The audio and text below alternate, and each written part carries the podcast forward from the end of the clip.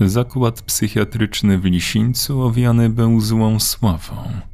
Za czasów komuny spalił się jeden z pawilonów. Blok numer dwa, w którym śmierć poniosło kilkudziesięciu pacjentów. Obiekt ten był przeznaczony dla trudnych przypadków, dlatego też wszystkie sale były zamknięte. Akcję ratunkową utrudniał niespotykany przebieg pożaru. Strażacy dogaszający pożogę dziwili się, w jaki sposób oddalone od siebie szczelnie zamknięte pomieszczenia w tym samym czasie stawały się płonącą pułapką dla przebywających w nich pacjentów. Dziwny wypadek odbił się echem w lokalnej prasie i szeptanymi od ucha do ucha opowieściami. Mówiło się, że psychiatryk jest nawiedzony. Niektórym chorym nie służyło przebywanie w pawilonie numer dwa. Ich stan psychiczny w niedługim czasie znacznie się pogarszał. Dochodziło do częstych prób samobójczych i ataków szamu. Kolejnym problemem były oddziały żeńskie, nazwane potocznie burdelem.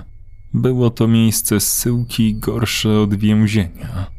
Chorym kobietom, które tam umieszczano, bardzo rzadko udawało się opuścić mury pawilonu trzeciego. Te atrakcyjne miały najgorzej. Częste przecieki o wykorzystywaniu seksualnym pacjentek były szybko uciszane. Tajemnicą Poliszynela było, że niektóre z nich były nocami wywożone w niewiadomym kierunku. Powracały nad ranem w bardzo złym stanie fizycznym, świadczącym o makabrycznych praktykach, którymi były poddawane przez tajemniczych zboczeńców. Pracownicy placówki od ochroniarzy po górny szczebel zarządzający byli jedną zgraną kliką, która utrzymywała wszystko w największej tajemnicy. Od kiedy dyrektorem został brat znanego posła, działo się coraz gorzej. Oddział męski, pawilon numer jeden, był pilnowany przez wielkich jak dęby pielęgniarzy, którzy nie stronili od przemocy. Twardą ręką trzymali dyscyplinę, a jakiekolwiek wybryki chorych były bezlitośnie ukrócane. Jednak nie bylibyśmy do końca szczerzy, gdybyśmy nie wspomnieli o pewnych oznakach człowieczeństwa. Gdy rodzina chorego wspomogła szpital, tenże mógł liczyć na przychylność personelu i lekarza. Zdarzały się sytuacje całkowitego wyleczenia i powrotu do społeczeństwa. Oczywiście byli tacy najbliżsi, którzy chętnie wspomagali szpital, jednak ich pobudki były zgoła odmienne niż troska o szybki powrót chorego do zdrowia.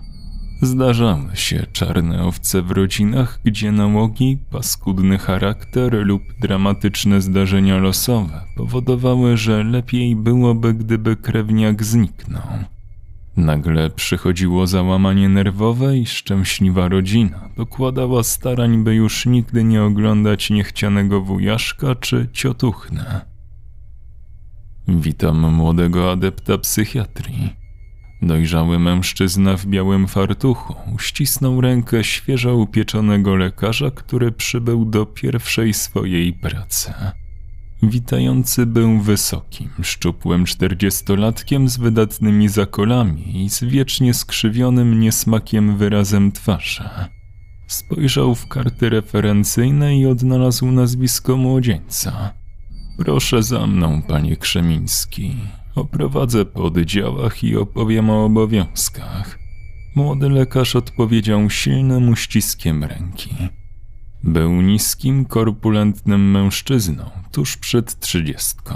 Okrągła twarz niedojrzałego chłopca kompletnie nie współgrała z małymi, inteligentnymi oczyma. Widać w nich było podniecenie i ciekawość. Pomimo młodego wieku, zdawał się nie być wychuchanym syneczkiem mamusi, któremu wydawało się, że wszystko mu się należy. Będzie pan pracował ze mną na tych samych dyżurach. Powoli wprowadzę pana w tajniki pracy i zasady obowiązujące w naszym szpitalu, powiedział wskazując ręką korytarz. Przejdźmy na świetlicę, tam mamy większość naszych pacjentów. Dwaj mężczyźni ruszyli powoli w stronę wielkiej sali, na której chorzy mogli spędzać wolny czas. Dlaczego tu u nas pan chce podjąć praktykę? spytał starszy mężczyzna. Są inne, bardziej nowoczesne placówki. Ma pan Lubliniec, Tworki. Tu rzadko który z młodej gwardii chce pracować. Młody spojrzał ukosem na pytającego. Delikatny skurcz przeszedł mu przez twarz niczym ciemna chmura przez niebieskie niebo.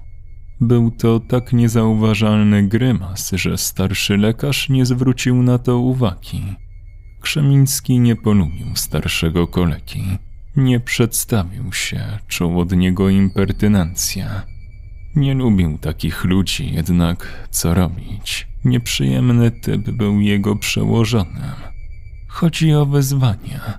Człowiek, gdy zostaje rzucony na głęboką wodę, może się sprawdzić sam przed sobą. Odpowiedział – poznać swoje słabości i przezwyciężyć je w konfrontacji z przeciwnościami. Tu pan za dużo nie osiągnie, tak między nami. Uśmiechnął się krzywo psychiatra. Rzadko się udaje kogoś wyprowadzić. Praktycznie jesteśmy tu, by zapewnić pacjentom jako taką opiekę i obserwować. Ale istnieją przecież nowe metody leczenia. Tak, ale my staramy się być konsekwentni w tym, co dobrze działa. Zrozumie to kolega, gdy trochę dłużej tu popracuje. Weszli do pomieszczenia służącego jako świetlica, ale na początku przedstawię panu naszych podobiecznych. Duża sala z metalowymi krzesłami i stołami pamiętającymi jeszcze stare złe czasy poprzedniego ustroju była do połowy zapełniona ubranymi w piżamy ludźmi. Na ścianach pyszniły się obrazki malowane przez pacjentów. Telewizor wisiał u sufitu, zamknięty w metalowej klatce. Ta po prawej stronie, pani Halina Dmowska, właścicielka zakładu produkcyjnego w Toruniu, jak pamiętam. Psychiatra wskazał małą, korpulentną kobietę, która siedziała bez ruchu wpatrzona w nicość. Od czasu do czasu nerwowo potrząsała głową, by chwilę później popadać w swego rodzaju letarg. Wypadek na hali, uraz głowy i psychoza maniakalno-depresyjna. Dokończę. Kilka pobytów u nas w fazach depresji, obecnie na stałe. Starszy mężczyzna wskazał kolejnego pacjenta. Młody, około dwudziestoletni chłopak siedział i układał puzna. Tu mamy naszego rodzynka, Marek Knapik, schizofrenia paranoidalna. Grał sobie w gry komputerowe i nagle bohaterowie wirtualnego świata zaczęli go odwiedzać w jego halucynacjach. Zabawa kąpem nie jest taka zła, zaoponował młody lekarz. To prawda, ale trzeba uważać, by nie skończyć w wirtualnych światach swoich fantazji. Uśmiechnął się starszy doktor. A propos fantazji, popatrzmy na tych oto delikwentów siedzących pod oknem. Wskazał dwóch mężczyzn, jednego chuderlawego z widoczną kifosą, blond włosami i twarzą grzecznego kujona drugiego wielkiego byka, ponad 130-kilogramowego łysego pięćdziesięciolatka. To dopiero nieprawdopodobna historia, zaczął lekarz. Ten mały to Bruno Siak, obiecujący bardzo utalentowany pisarz. Opowiadania grose, kryminały, fantazy, wszechstronnie uzdolnione. Ma na YouTubie swój kanał i tam zarabiał sobie wstawiając swoją twórczość. Młody lekarz uniósł zaskoczone brwi. Nie sądziłem, że pan, panie doktorze, interesuje się takimi rzeczami jak fantastyka. Lekarz prowadzący zaśmiał się serdecznie. A wiesz, kolego, że jeszcze srami pierdze? Tym razem brwi uniosły się jeszcze bardziej. Potem obydwoje roześmiali się serdecznie. Młodzieniec odetchnął z ulgą. Już wiedział, że nawiązała się między nimi nic sympatii. Leszek jestem. Starszy wyciągnął dłoń w stronę młodszego kolegi. Szydłowski. Mateusz Krzemiński. Uścisnęli sobie dłonie i przeszli na te. Wracając do opowieści, ten drugi siedzący naprzeciw naszego pisarza mówił dalej starszy mężczyzna. Nie zgadniesz, kim jest. Jest? Nie był? Nie, kolego, nadal wykonuje swoją pracę i to tu u nas. Nie wiem. Jest także pisarzem i do tego znanym malarzem artystą. Obydwaj panowie pojawili się tu razem po pewnej burzliwej nocy kilka lat temu. Otóż pan Nowicki Tomasz poznał pana Siaka na YouTubie, jak ten wstawiał swoje opowiadania. Tak się panu Nowickiemu spodobały te światy, że poprosił grzecznie pana Siaka, czy mógłby napisać jedno ze swoich opowiadań w jego uniwersum. Oczywiście spotkał się z buńczuczną odmową młodego pisarza, więc pan Tomasz opracował niecny plan. Zorganizował spotkanie autorów creepypast i lektorów, którzy je czytają i wstawiają na swoje kanały tematyczne. Wiesz, Mystery TV, Zaczytany, Polish Creepypasta, Quadrotes i inni. Jestem pod coraz większym wrażeniem, panie kolego. Młody lekarz pokiwał z szacunkiem głową. Naprawdę nie spodziewałem się, że mamy tu takiego fana tanich czytadeł. Wiesz, praca ciężka, muszę gdzieś odreagować, a te krótkie opowiadanka naprawdę dają radę. Człowiek musi się czymś zresetować. Szydłowski usiadł i dał znać koledze, by zrobił to samo. Zanosiło się na dłuższą opowieść. Do rzeczy, kolego. Wynajął całe piętro jakiegoś dobrego hotelu, zorganizował spotkanie z fanami i kilka innych atrakcji. Jak może kolega się domyśleć, zjechali się wszyscy. Był tam taki młody lektor Quadrotes, który ukrywał swój wygląd przed widzami. No i jak się pojawił, to nikt nie uwierzył, że to ten znany lektor i go nie wpuścili. Dopiero zaczął pisać na Messengerze do Nowickiego i się sprawa rozwiązała. Śmiechu mieli co niemiara. Krystian Kieś ze strasznych opowieści przewiózł jakieś zielsko, bimber własnej roboty. Ogólnie wszyscy dobrze się bawili. Kiedy towarzystwo już było dobrze zrobione, Nowicki dosypał Siakowi LSD do wódki w zemście za to, że on nie wyraził zgody na napisanie kilku słów w jego światach. Tłumaczył, że to jest wyraz największego szacunku, gdy inny pisarz chce uhonorować drugiego, pisząc w jego realiach. Jednak siak swoje, że to jego dziecko, on nie pozwala, a tak w ogóle to się bumerze stary dzbanie odczep od mojej twórczości i koniec. Więc zapodał nieświadomemu młodzieńcowi kwasa. Taką sobie zemstę wymyślił pan Tomasz. Tylko, że będąc malarzem artystą, był jak to zwykle bywa narkomanem i chłop popalił sobie trochę ziółka, po czym odpłynął. Za to siak, jak już mu weszło, to dostał złej jazdy. Okazało się, że będąc nieświadomym zażycia narkotyku, stał się jednym ze swoich bohaterów opowiadań. Ubzdurał sobie, że jest Filem czy Gilem, jakimś łowcą demonów czy ich przyjacielem. Nie wiem dokładnie, nie śledzę twórczości naszego młodzieńca. Między nami wolę Nowickiego. Dlaczego? spytał młody lekarz. Nowicki pisze psychologiczne rozprawy nad swoimi bohaterami w konwencji totalnej beznadziei życia codziennego. Gdyby nie to, co zrobił, dziś byłby znanym pisarzem, a tak żona wydaje jego powieści pod swoim nazwiskiem i zbiera same pozytywne recenzje. Jak to? spytał zdziwiony Krzemiński. Dojdę do tego, wszystko zaraz się wyjaśni, odpowiedział starszy lekarz. No i nasz młody pisarz kompletnie naćpany kwasem dostał zapaści i stał się swoim bohaterem z powieści. Mając halucynacje po narkotyku, dostrzegł w Nowickim demona i zanim ktokolwiek zdołał zareagować, leżał tenże już na podłodze z rozbitą czaszką. Dobrze, że jeden z lektorów był około dwumetrowym bykiem, więc szybko obezwładnił wrzeszczącego coś o wuju Emilu Siaka i wezwali policję. Suma summarum Nowicki przeszedł, ale wylew zabrał mu jakiekolwiek szanse na normalne życie. Siak został do dziś demonofinem. Zaraz, zaraz, panie kolego, przerwał nagle młodszy psychiatra. Coś mi się tu nie zgadza. Skoro oni są wrogo do siebie nastawieni, to dlaczego siedzą razem i zapisują te kartki? Czy nie powinni być rozdzieleni, by zapomnieli o sobie i można było spróbować ich ustabilizować? Widzę, że kolega dobrze myśli. Uśmiechnął się starszy psychiatra. Jednak tu dochodzimy do kolejnej smutnej historii.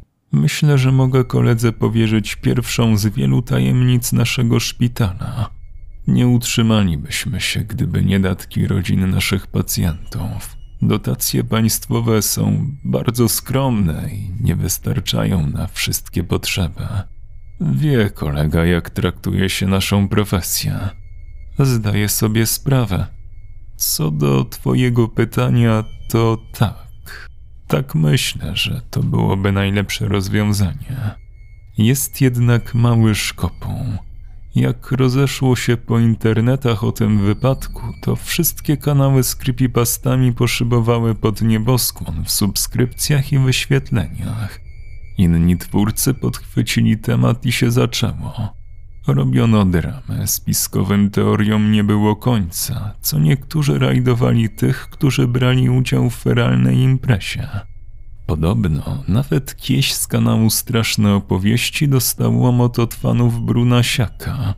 Pisali potem, że ten najstarszy z towarzystwa mógł zareagować. Kieś, bo ten przyznał się na którymś live'ie, że Nowicki mówił mu o swoich planach. Tylko ten podobno mu nie wierzył. Nieprawdopodobne. Uwierzyłbyś? spytał z przekąsem starszy lekarz. Nie. Jedno było pewne, każdy chciał posłuchać past Nowickiego i Siaka. Miliony wyświetleń to pieniądze z reklam i tu pojawia się żona Tomasza i lektorzy z kanałów. Okazało się, że nasi pacjenci idealnie się tu u nas dogadali. Bruno i Nowicki piszą po 10 stron dziennie. Bez siebie siedzą i patrzą swoje szaleństwa. Jak są razem, tworzą nieprawdopodobne powieści. Tylko, że tym razem Nowicki pisze romanse, a Bruno Siak, wierząc, że jest demonofilem, pisze dramaty społeczno-polityczne z Siakiem jako bohaterem. Nieprawdopodobne. Zdziwił się młodzieniec. Jakie to życie pisze dziwne scenariusze. Domyślam się, że żona Nowickiego zabiera od niego roman sidła i pod swoim nazwiskiem wydaje. Nie tylko książki. Widziałeś ten hit zgwałcona przez szejka? Niemożliwe.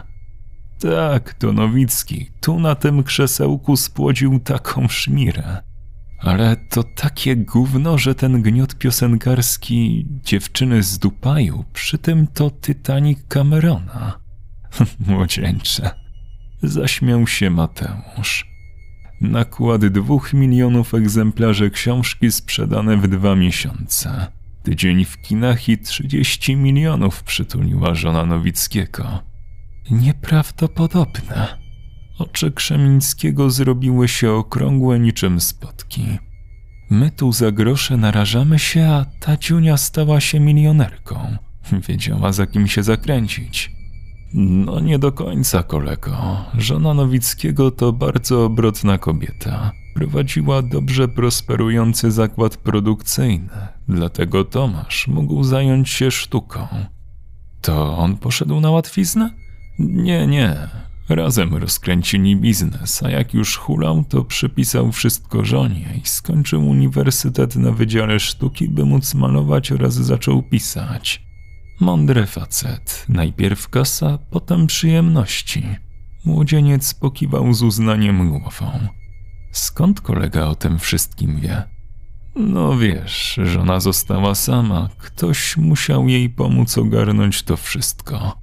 Tu Szydłowski uśmiechnął się porozumiewawczo, ale to tajemnica. Co było dalej? Widzę, że zainteresował się kolega. Nieprawdopodobna historia.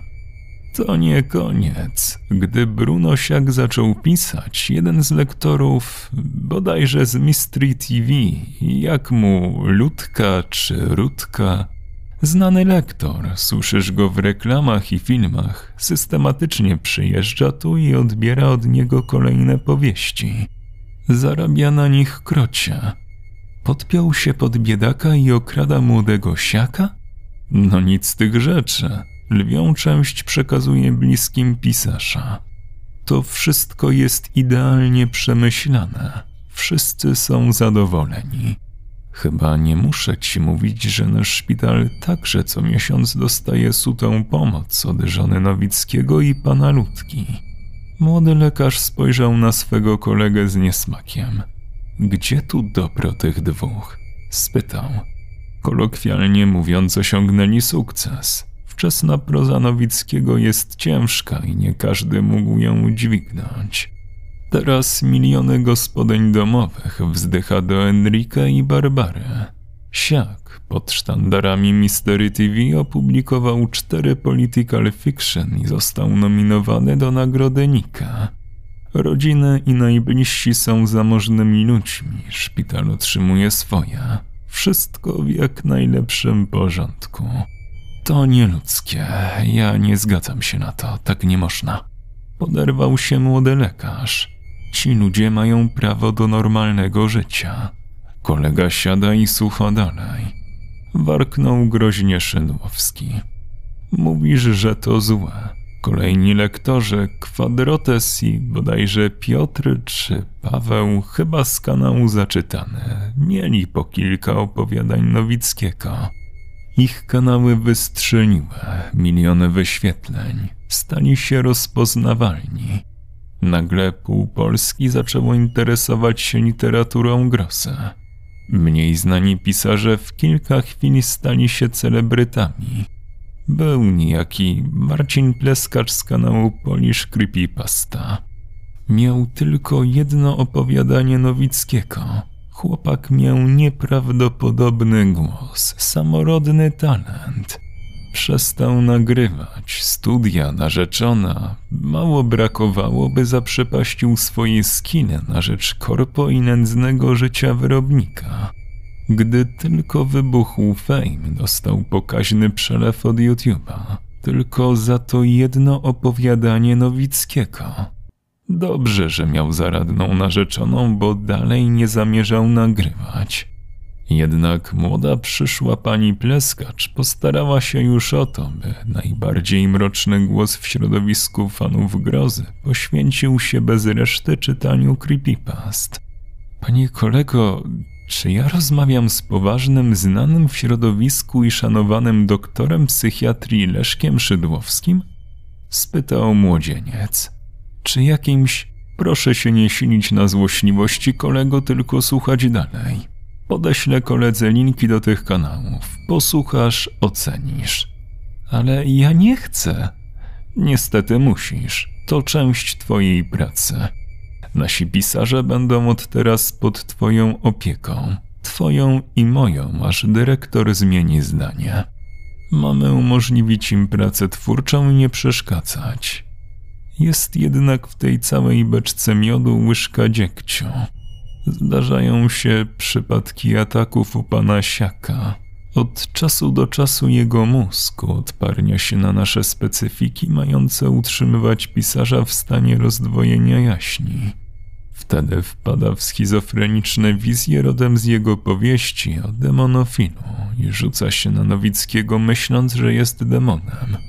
Musimy wtedy reagować szybko i delikatnie, by nie uszkodzić naszych dwóch artystów. No i jest jeszcze jeden z nimi problem, ale tu przerwał znacząco. To za chwilę.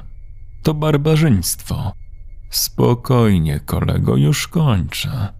Uśmiechnął się przyjaźnie starszy psychiatra.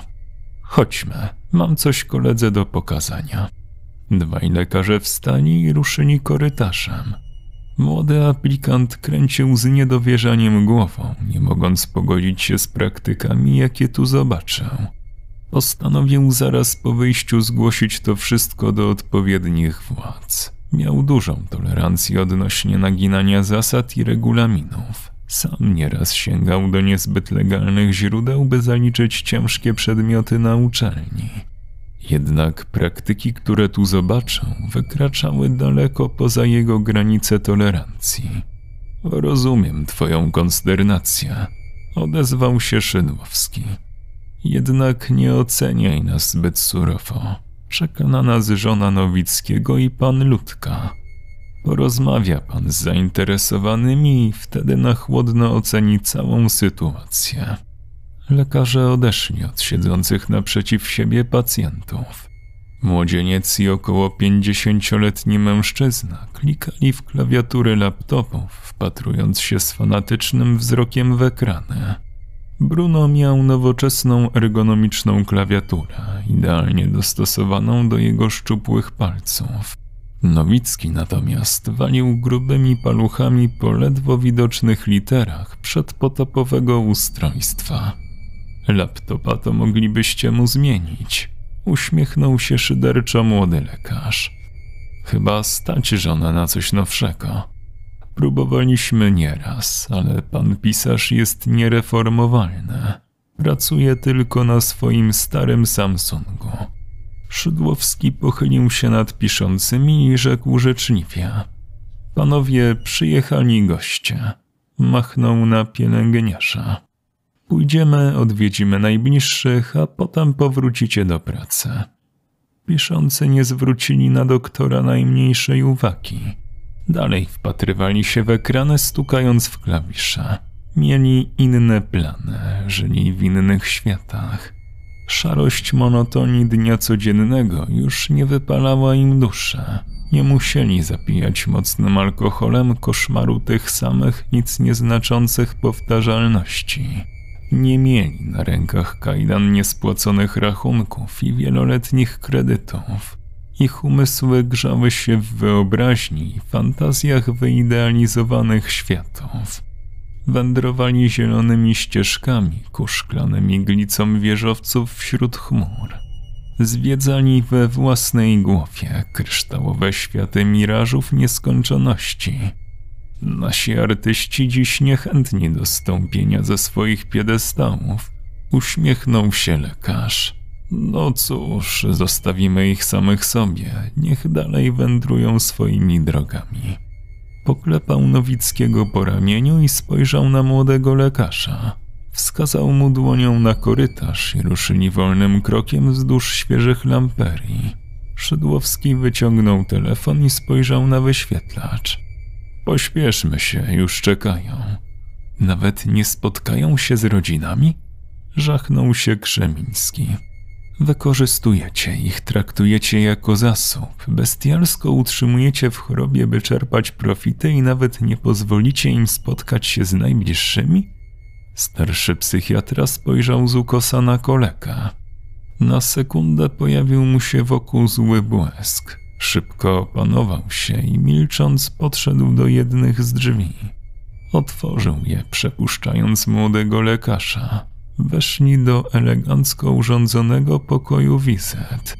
Drogie skórzane fotele, biurko, elegancka sofa wszystko to było nieprawdopodobnym kontrastem do świata za drzwiami.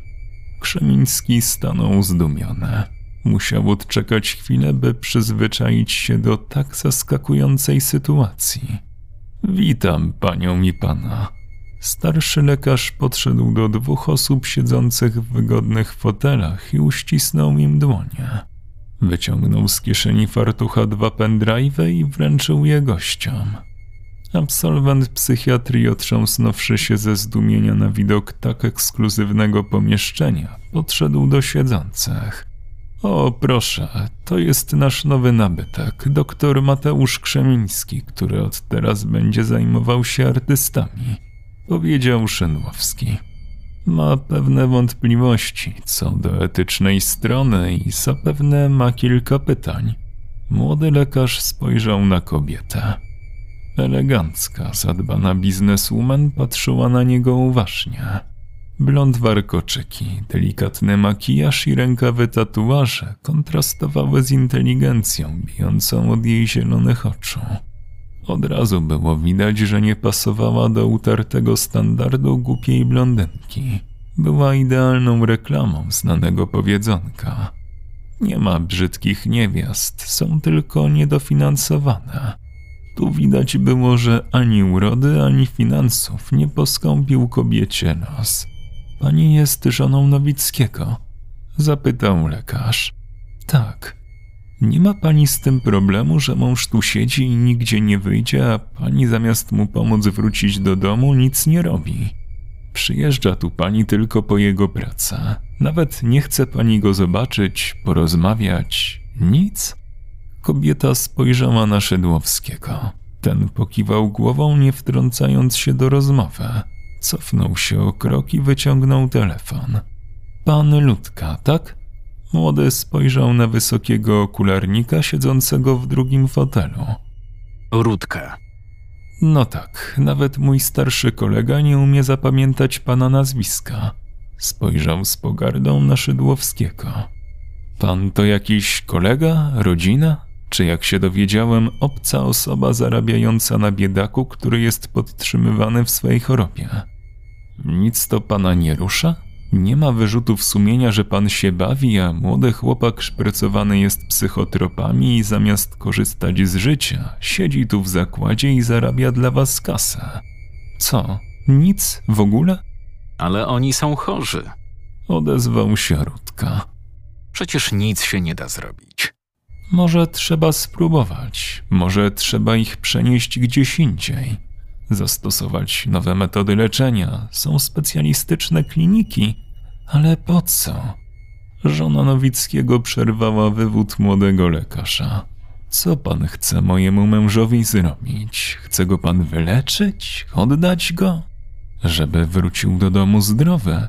Człowieku, zrobiłbyś mu tylko krzywdę o wiele gorszą niż pobyt tu. Chcesz, by żył jak my? Kto? Mój mąż? Artysta? Ty wiesz, jak to było, gdy był normalny? Tu zgięła dwa palce, robiąc w powietrzu cudzysłów. Chłopie, czy ty wiesz, jak on cierpiał? Jak wpadał w depresję, jak pił, by wytrzymać ten czas, gdy nadchodziła melancholia? Jak uciekał w narkotyki, by radzić sobie z emocjami? 120-kilowy chłop, który by ci jednym klepnięciem oderwał ten durny łeb, płakał jak dziecko, gdy musiał mierzyć się ze zwykłym wyjściem do urzędu, bo nie mógł znieść tego syfu, który wylewał się z ludzi. Czuł ich te kłamstwa, obłudę, tą beznadzieję w każdym z nas. Widział więcej i nie mógł się pogodzić, że ludzie zamiast pracować dla dobra ogółu i stworzyć szczęśliwy świat, woleni sami nie mieć nic, by tylko sąsiad miał gorzej. Młody lekarz poczerwieniał z oburzenia, słysząc przytyk na swój temat. Otworzył usta, by wyrazić swój sprzeciw. Zamknij się, gówniarzu, ja teraz mówię. Kobieta zgasiła go. Widzisz tylko siedzącego pacjenta, który pisze coś na komputerze. Czy ty nie widzisz, że on jest w swoim świecie? Tam jest szczęśliwy, gdzie nie ma tego gówna. Tu zrobiła szeroki gest ręką, zataczając komo. Świat mu już nie przeszkadza, jest szczęśliwy. Rozumiesz, człowieku? Jest naprawdę szczęśliwy, mogąc żyć we własnych urojeniach i opisywać je w swoich opowieściach. Dopiero teraz, gdy już rzeczywistość nie odciska na nim swego bezlitosnego piętna, można powiedzieć, że stał się wolny. Chcesz mu to wszystko zabrać, bo naczytałeś się jakiś bzdur na studiach i chcesz zbawiać świat. Wypraszam sobie. Oburzył się tym razem nie na żarty Krzemiński. Tego już za wiele. Co za wiele? Czego ty chcesz? Zniszczyć mojemu mężowi życie? Kazać mu powrócić do tego obozu pracy, do normalności? Pierdolę twoją normalność. Mój mąż tu zostanie i prędzej ty wylecisz na zbity ryj z roboty, niż coś tu namieszasz. Pani Nowicka, spokojnie. Mój młody kolega ma prawo mieć obiekcje. Dopiero zaczął tu pracę i jeszcze dobrze się nie zaaklimatyzował. Wtrącił Szydłowski z szyderczym uśmiechem na twarzy. Może niech się nie przyzwyczaja, jak tak ma pierdolić. Warknęła już nieco spokojniejsza i siadła na swoje miejsce. Nic dodać, nic ująć. Odezwał się znany youtuber. Mamy wszystkie pozwolenia. Opinie psychiatrów, rodziny podpisały stosowne papiery. Tu im dobrze. I proszę mi wierzyć, że gdyby była jakakolwiek szansa, sam bym dołożył starań, by pomóc. Niestety, oni są trwale niezdolni do normalnego życia. Te ataki są zbyt groźne, by mogli opuścić szpital. Chyba pan o nich wie. Tak, został poinformowany, ale nie do końca, odpowiedział lekarz prowadzący. Po prostu jeszcze nie widział jednego z napadów psychotycznych naszych artystów. Młody lekarz, pomimo gniewu przepełniającego jego duszę, uspokoił się. Postanowił załatwić tę sprawę w inny sposób. Nie mógł pozwolić na to, by jakaś bogata dziunia mu groziła. Nie po to ukończył prestiżowe uczelnie, by być workiem do bicia dla jakichś nieuków. Proszę państwa, Szydłowski w międzyczasie skończył wysyłać wiadomość. Spojrzał łagodnie na młodszego kolegę i zwrócił się do gości. Mogę dać słowo, że naszym pisarzom nie stanie się nic złego. Dołożymy wszelkich starań, by nic się nie zmieniło w naszych relacjach. Mój młody, niedoświadczony jeszcze kolega zapewne przemyśli sobie wszystko dokładnie i nabierze szerszej perspektywy co do całej tej sytuacji. Nasz szpital nadal będzie dbał o to, aby artyści mieli najodpowiedniejsze warunki do twórczej pracy. To wszystko na ten moment i jeszcze raz przepraszam za mojego kolega. Tu spojrzał się na młodego lekarza. Nie krył już kpiny malującej się na twarzy. Żona Nowickiego wstała i położyła kopertę na dębowym biurku. To samo zrobił Rutka. Podali rękę starszemu lekarzowi i wyszli, nie zwracając uwagi na Krzemińskiego. No i widzi pan, jak to jest. Nic nie zrobimy, musimy tylko popilnować naszych artystów, by się nie pozabijali. Uśmiechnął się szeroko Szynłowski. Siadł za biurkiem i otworzył kopertę. No i elegancko. Mruknął. Część z tych pieniędzy oczywiście będzie dla ciebie, kolego. Ja tego tak nie zostawię. Nie chcę tej kasy. Nie można w ten sposób. My jesteśmy po to, by leczyć, a nie bawić się w to gówno. Panie kolego, proszę się wyrażać. Warknął starszy psychiatra. Nie zostawię tego tak. To jest karalne. To nie może się tak skończyć. To urąga wszelakim standardom i etyce. Rozumiem. Masz pełne prawo zgłosić to gdzie tylko chcesz. Tylko czy jest sens? Młodzieniec odwrócił się na pięcie i ruszył w kierunku drzwi. Oczywiście, ci pacjenci mogą jeszcze wrócić na łono społeczeństwa, mogą normalnie żyć, a nie być maszynkami do zarabiania pieniędzy dla dobrze zorganizowanej grupy przestępczej. No dobrze, już dobrze. Zapowiadała się dobra współpraca. Szynłowski westchnął ciężko, wstając za biurka. Odprowadzę cię. Nie trzeba, znam drogę do wyjścia. Jak chcesz. Krzemiński wypadł z biura jak z proce. Czerwony z wściekłości nie zwrócił uwagi na dwóch pielęgniarzy stojących grzecznie koło drzwi na korytarzu. Trzasnął drzwiami i już chciał zbesztać pracowników, którzy zastąpili mu drogę, gdy nagle jeden bezceremonialnie złapał go za kark i unieruchomił w stalowym uścisku. Drugi wbił igłę w ramię i wtłoczył zawartość niewielkiej strzykawki. Dziękuję panowie, że tym razem zareagowaliście natychmiast na mojego SMS-a.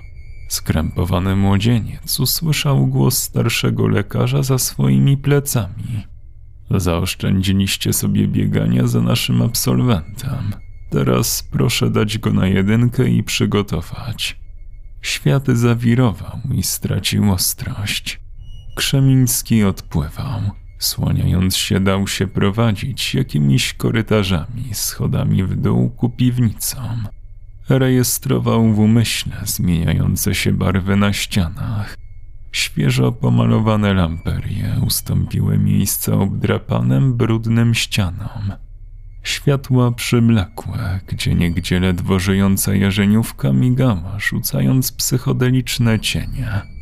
Widział salę, do której został wprowadzony. Koszmarne brud i nieład panowały w pomieszczeniu. Jedna lampa rozświetlała mrok. Jakieś stare urządzenia medyczne walały się w niełacie. Na środku ustawiony był dziwny mebel. Podobny do szkolnego kozła, przez którego przeskakiwały dzieci na wychowaniu fizycznym, był zaopatrzony w kilka mocnych pasów unieruchamiających. Krzemiński został rozebrany i położony na tym urządzeniu. Pielęgniarze skrępowali mu nogi i ręce, przywiązując do ustrojstwa. Na koniec jeden z nich włożył mu w usta różową piłeczkę na dwóch paskach i zapiął ją za głową. Pielęgniarz poklepał nieszczęśnika i uśmiechnął się szeroko. Miłej zabawy, świnko.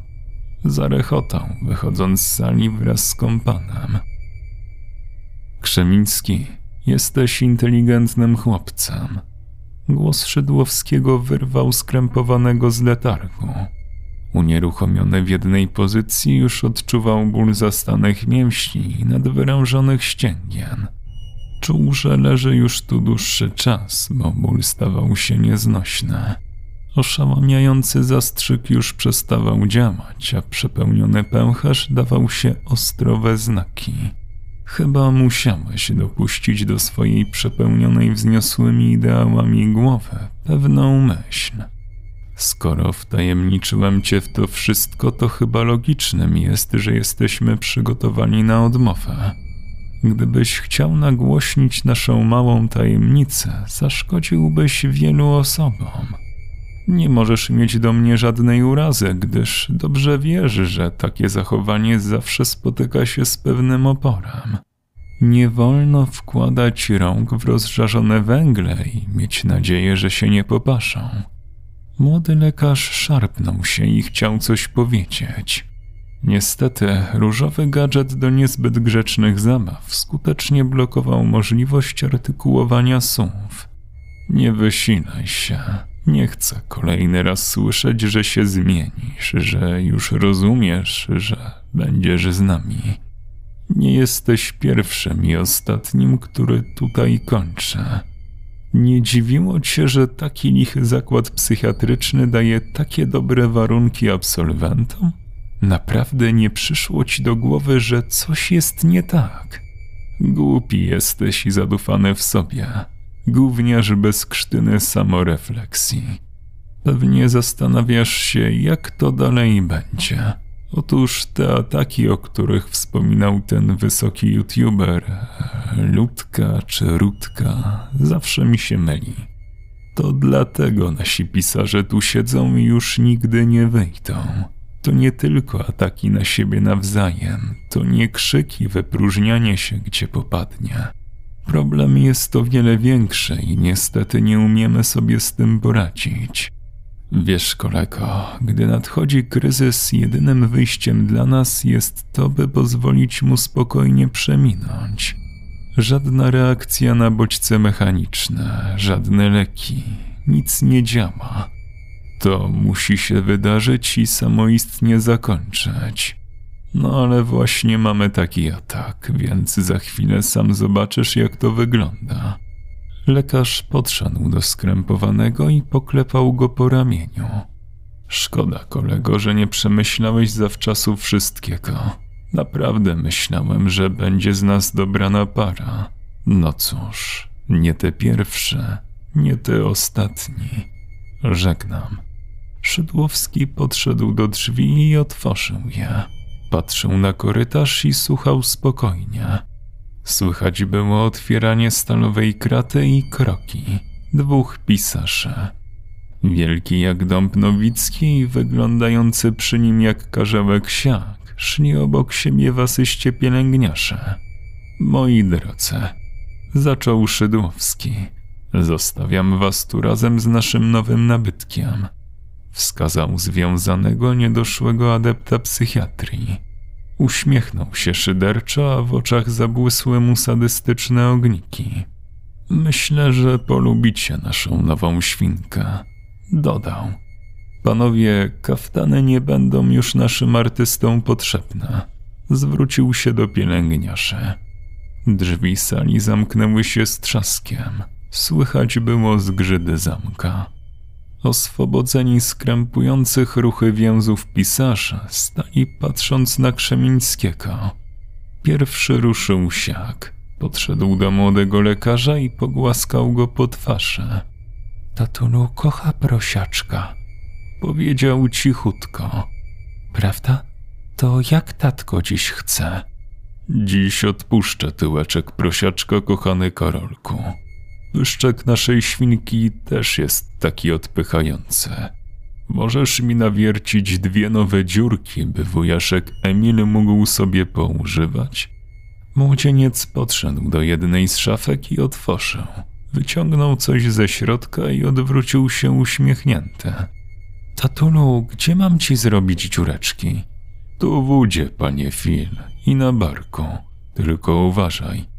Nowicki podniósł w górę palec, byś nie wwiercił się w kość. Tatko nie chce sobie skaleczyć małego Bena. Ma on jeszcze kilka niezłych pomysłów na potem. Ale potem będę mógł? spytał grzecznie siak. Oczywiście, mój demonofilku. Po wszystkim będziesz mógł poogryzać wszystkie kostki. Rozradowany młodzieniec podszedł z wiertarką do skostniałego ze strachu Krzemińskiego. Założył długie, grube wiertło do betonu i odłożył na bok urządzenie. Mam coś dla ciebie, mała świnko, powiedział. Brunosiak wyciągnął dłoń w kierunku spoconej twarzy młodego lekarza. Trzymał on piękną czarną ruszę. To pamiątka, prosiaczku, moja pamiątka z dawnych lat. Szepnął. Położył kwiat tak, by skrępowany mógł ją widzieć, a sam włączył wiertarkę. Tatunu, utko czy rączka? Utko najpierw, mój kochany Finu. Zarechotał Nowicki, zdejmując spodnie. Autor opowiadania Tomasz Nowicki. Czytał Quadrotes. Osoby wspierające powstawanie nowych treści to Kalusia, Syrenka Ladacznica, Brutal Drop, Sebastian Król, Gregorikos, Mateusz Z, Wiktor Walczak, Alastor, Wojti 262, Milky Rainbow, Near Death, Tomasz Kowalewski, Krzysztof Kozak-Ślęsak, Stary Trześwe, Kamil Olek, Creepy Bunny, Magiczna Basia oraz Tommy Lee Jones. Do usłyszenia.